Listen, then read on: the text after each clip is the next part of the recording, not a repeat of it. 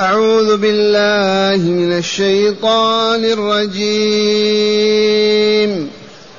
قال نوح رب إنهم عصوني واتبعوا واتبعوا من لم يزده ماله وولده إلا خسارا. ومكروا مكرا كبارا. وقالوا لا تذرن آلهتكم ولا تذرن ودا ولا تذرن ودا ولا سواعا ولا يغوث ويعوق ونسرا وقد أضلوا كثيرا ولا تزد الظالمين إلا ضلالا مما خطيئاتهم أغرقوا فأدخلوا نارا فلم يجدوا لهم من دون الله أنصارا وقال نوح رب لا تذر على الأرض من الكافرين ديارا. إنك إن تذرهم يضلوا عبادك يضلوا عبادك ولا يلدوا إلا فاجرا كفارا. رب اغفر لي ولوالدي ولمن دخل بيتي ولمن دخل بيتي مؤمنا وللمؤمنين والمؤمنات ولا تزد الظالمين إلا تبارا أحسنت. معاشر المستمعين والمستمعات من المؤمنين والمؤمنات. ما زال السياق الكريم فيما شكاه نوح عليه السلام إلى ربه تعالى مما يجد في قومه المشركين الذين يعبدون الأصنام والأوثان. قال نوح رب أي يا رب إنهم عصوني ما أطاعوني ما استجابوا لي. ألف سنة إلا خمسين عاما ليل نهار. كما مر يأتيهم في النهار في الليل في الاجتماعات في السريات. ما استجابوا فشكا إلى ربه. فقال ربي إنهم عصوني واتبعوا من لم يزده ماله وولده إلا خسارة. اتبعوا أغنياء أرباب المال والأولاد والفقراء هذا شأنهم. مشوا وراء الأغنياء وأرباب المال فمنعوه من الدخول في الإسلام. وهذا هو الحال. في مكة حصل هذا. الفقراء اضطروا إلى أن يتبعوا الأغنياء ويمشون وراءهم. وهذه الشكوى ظاهرة. إذ قال واتبعوا من لم يزده ماله وولده إلا خسارة. خسارة في الدنيا وفي الآخرة. أي خسارة أعظم من أن يموتوا على الكفر ويخلدون في جهنم. أي خسارة أعظم من هذه. ثم قال ومكروا مكرا كبارا عظيما عظيما. مكروا بنوح. والله كانوا يضربون حتى يغشى عليه. وهذا شأنهم. مكروا مكرا كبارا يصرفون الفقراء عن الدخول في الإسلام واتباع نوح عليه السلام ويمنعونهم ويخوفونهم ويعطونهم المال ويرفعون درجتهم عندهم من أجل أن يبقوا على الكفر والشرك والعياذ بالله تعالى. ومكروا مكر كبارا. وقالوا لا تذرن آلهتكم. قالوا لبعضهم البعض. قال الرؤساء الأغنياء وأبو المال للفقراء والمساكين قالوا لهم لا تتركن أهليتكم أبدا اثبتوا لا تسمعوا لصوت هذا الرجل ولا تقبلوا دعوته ولا ولا فهو ضال وهو كذا وكذا.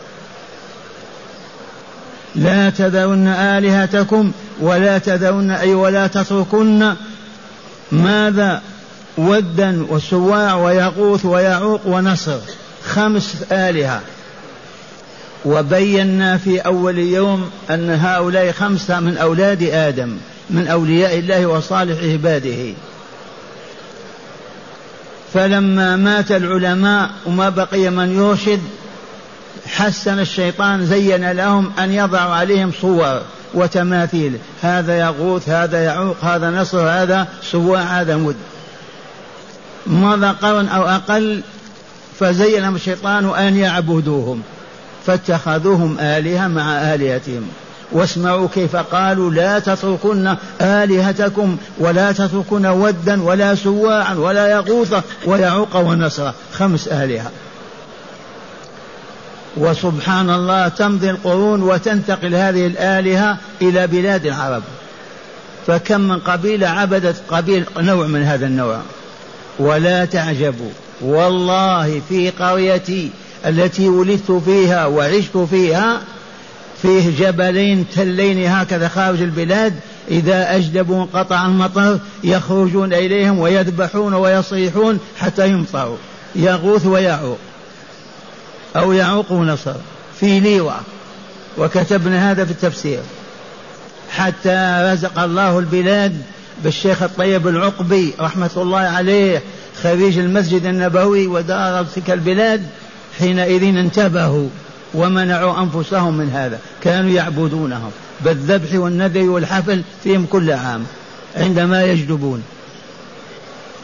لماذا؟ لأن العدو إبليس هو العدو. ما يريد أن يرى أحدا مستقيما. ولا يريد أن يرى أحدا طاهرا ولا طيبا. يريد أن يخبث الناس ويفسدهم ليكونوا معه في جهنم. هذه الحقيقة. هكذا قالوا ولا تذرون ودا ولا سواعا ولا يغوث ويعوق ونصرا وقال تعالى وقد أضلوا كثيرا. قالها نوح عليه السلام وقد أضلوا كثيرا أمم. ألف سنة إلى خمسين عاما. والأولاد يولدون هذا العام أربعة عشر يوم يبلغون يكفرون وهكذا. جيل بعد جيل. وقد أضلوا كثيرا. ولا تزد الظالمين إلا ضلالا. علم أنهم لا يؤمنون. وأوحينا إلى نوح أنه لن يؤمن من قومك إلا من قد آمن. فلما عرف أنهم لا يؤمنون دعا عليهم. ولا تزد الظالمين إلا ضلالا. ما دام ضلوا اللهم زدهم الضلال. تعب تسعمائة سنة أو خمسين. ثم قال تعالى وقوله الحق مما خطيئاتهم أغرقوا.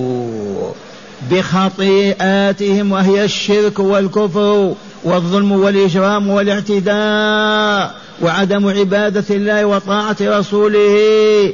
أغرقهم الله بالطوفان.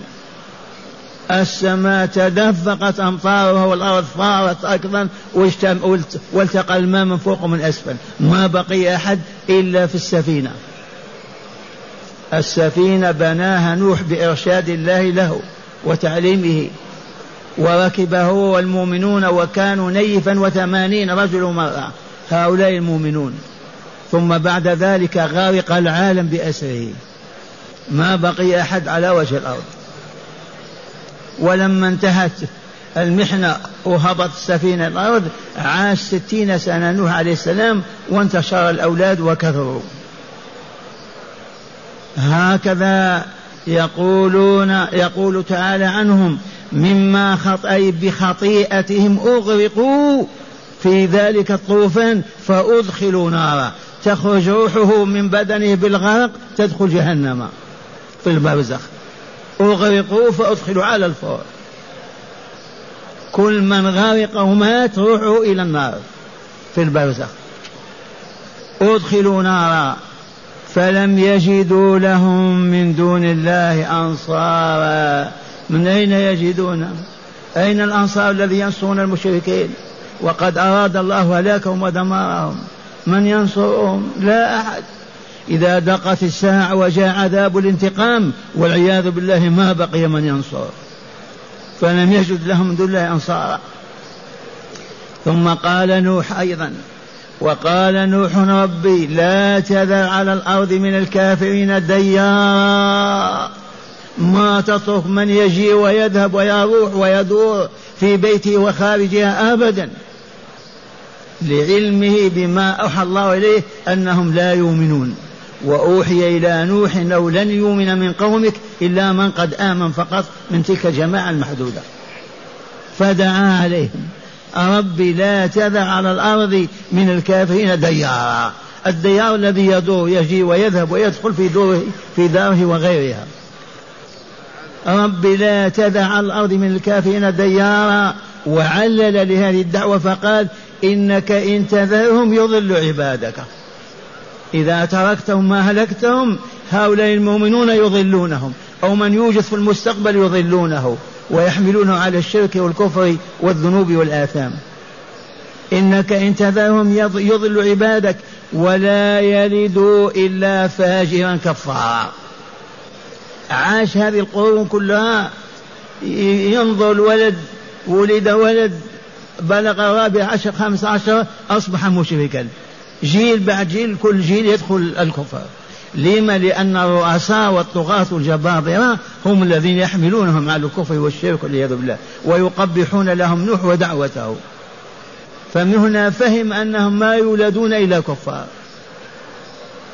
هكذا ربي. إنك إن تذرهم يضل عبادك ولا يلدوا إلا فاجرا كفارا. كثير الكفر وكثيره والفاجر من يخرج عن طاعة الله وطاعة الرسول. هو الفاجر. إلا فاجر كفارا ثم قال رب اغفر لي ولوالدي. دعوة نوح. لما انتهت الدعوة وانتهى كل شيء وأصبح عما قريب ما يبقى أحد ربي لا تذ... ربي اغفر لي ولوالدي. وقد علمتم أن أباه يقال له لامك ابن متشولخ ابن ابن إدريس عليه السلام وأمه شمخة بنت آلوس. أمه يقال لها شمخة بنت آلوس. فسأل الله تعالى أن يغفر له ولوالديه.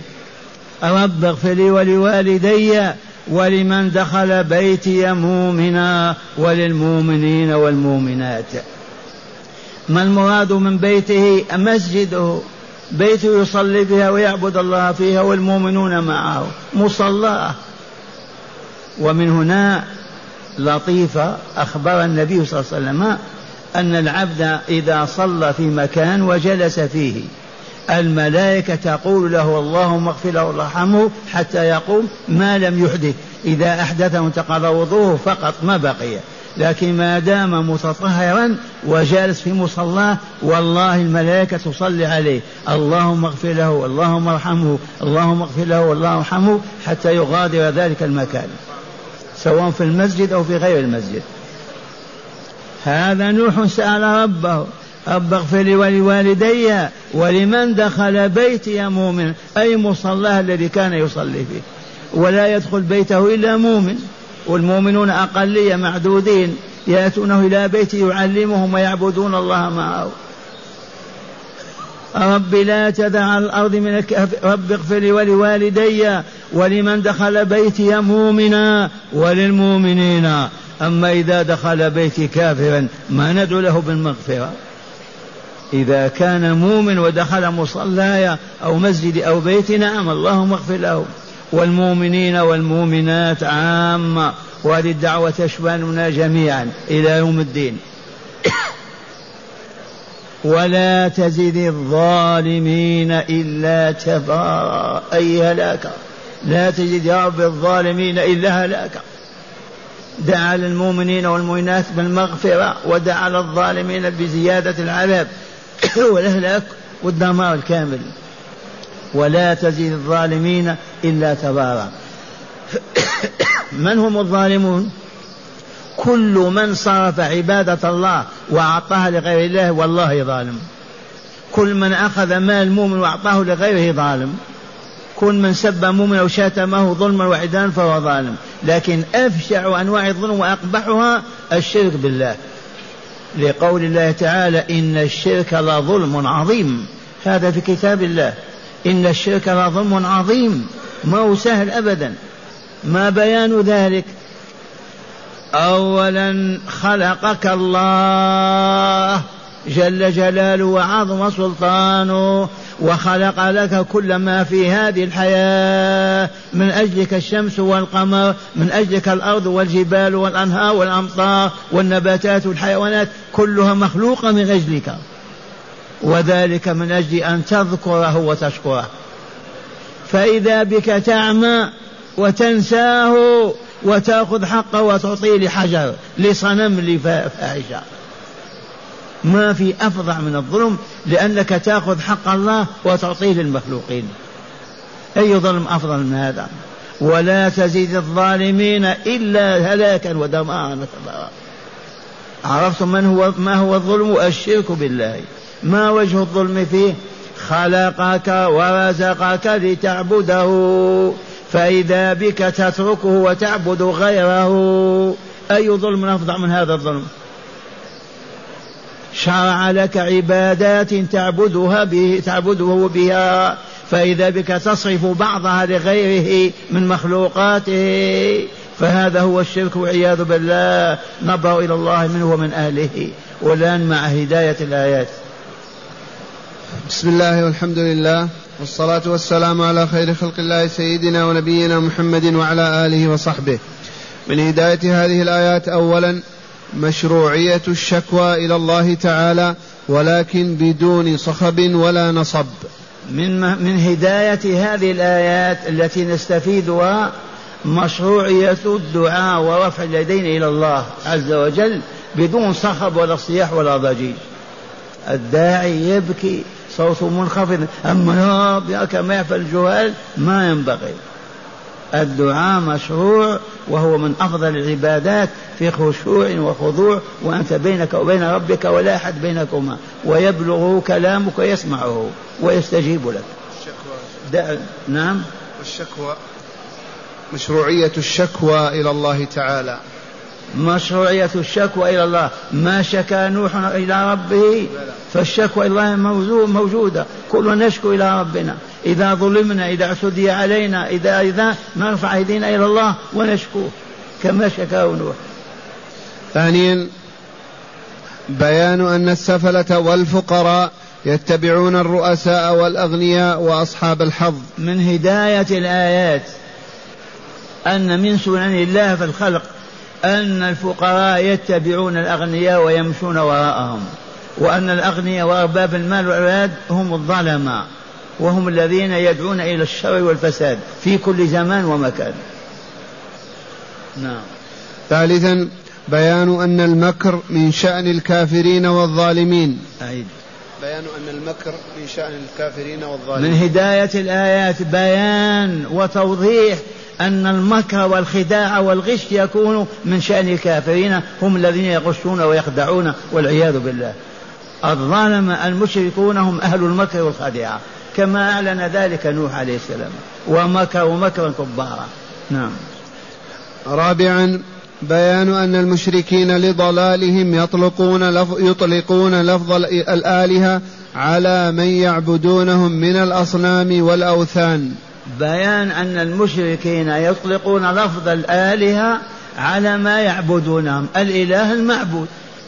إن كان الإله الحق هو الله عبادته من أجلها خلقنا وبها نكمل ونسعد لكن عبادة الأولياء والصالحين والأغنياء والأموات وهذه العبادة والعياذ بالله ألهوهم جعلوهم آلهة وعبدوهم كما فعل المشركون في مكة. عبدوا هبل وكم إله.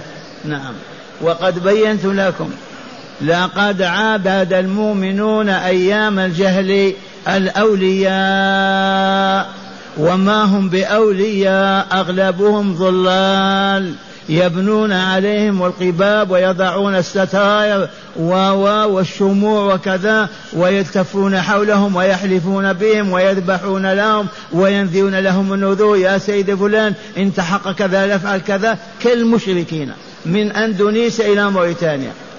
اللهم الا هذه من خمسين سنة كذا انتشر العلم بوسائطه المعروفة فخف هذه هذه المعنى. وإلى ما زالت إلى اليوم إلى اليوم. نعم. خامسا مشروعية الدعاء على الظالمين عند اليأس من هدايتهم. من هداية الآيات يجوز لك أن تدعو على الظالم إذا أيست من هدايته. لأنه نوح دعا عليهم لما أيس ما أصبح يوم أن هناك من يسلم بهم أو يدخل في الإيمان. فالظالم إذا أيست من هدايته يدعو عليه بالهلاك. وإذا كنت ترجو أن يؤمن ويسلم ما تدعو عليه. نعم. سادسا هلاك أو تدعو دعوة عامة. اللهم أهلك الظالمين. اللهم أغرق الفاسدين. لا بأس. لما شخص وحده بعينه ما تدعو عليه بالهلاك. إلا إذا أيست من هدايته. سادسا هلاك قوم نوح كان بخطاياهم فالخطايا إذا موجبة للهلاك.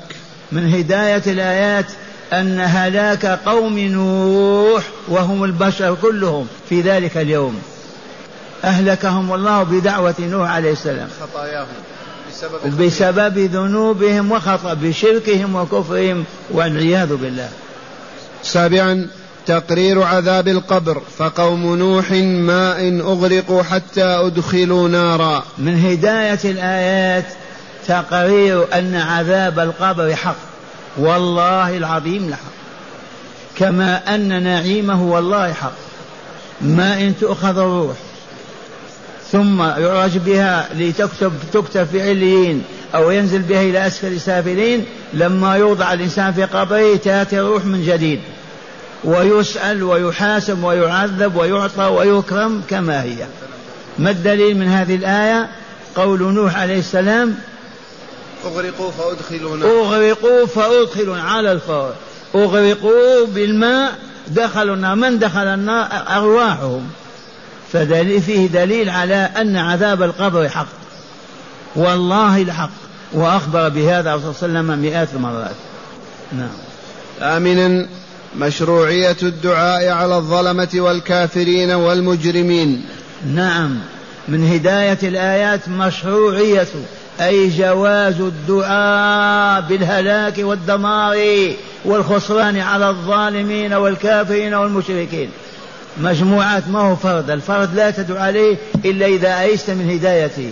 أما اللفظ العام اللهم أهلك الظالمين اللهم دمرهم اللهم أغرقهم نعم يجوز. اقتداء بنوح عليه السلام. نعم. وتاسعا مشروعية الدعاء للمؤمنين والمؤمنات. مشروعية الدعاء للمؤمنين والمؤمنات. ماذا قال نوح؟ رب اغفر لي ولوالدي وللمؤمنين والمؤمنات وإلا لا؟ هذا مشروع ولهذا ندعو دائما ربنا ونسأل لنا ولكل مؤمن ومؤمنة. وذكرت لكم الحديث من صلى فريضة أو نافلة وجلس في مصلاه يذكر الله ويعبده الملائكة تصلي عليه اللهم اغفر له اللهم ارحمه حتى يحدث فينتقض وضوء أو يقوم من مكانه. مشروعية الدعاء على الظالمين بصورة عامة.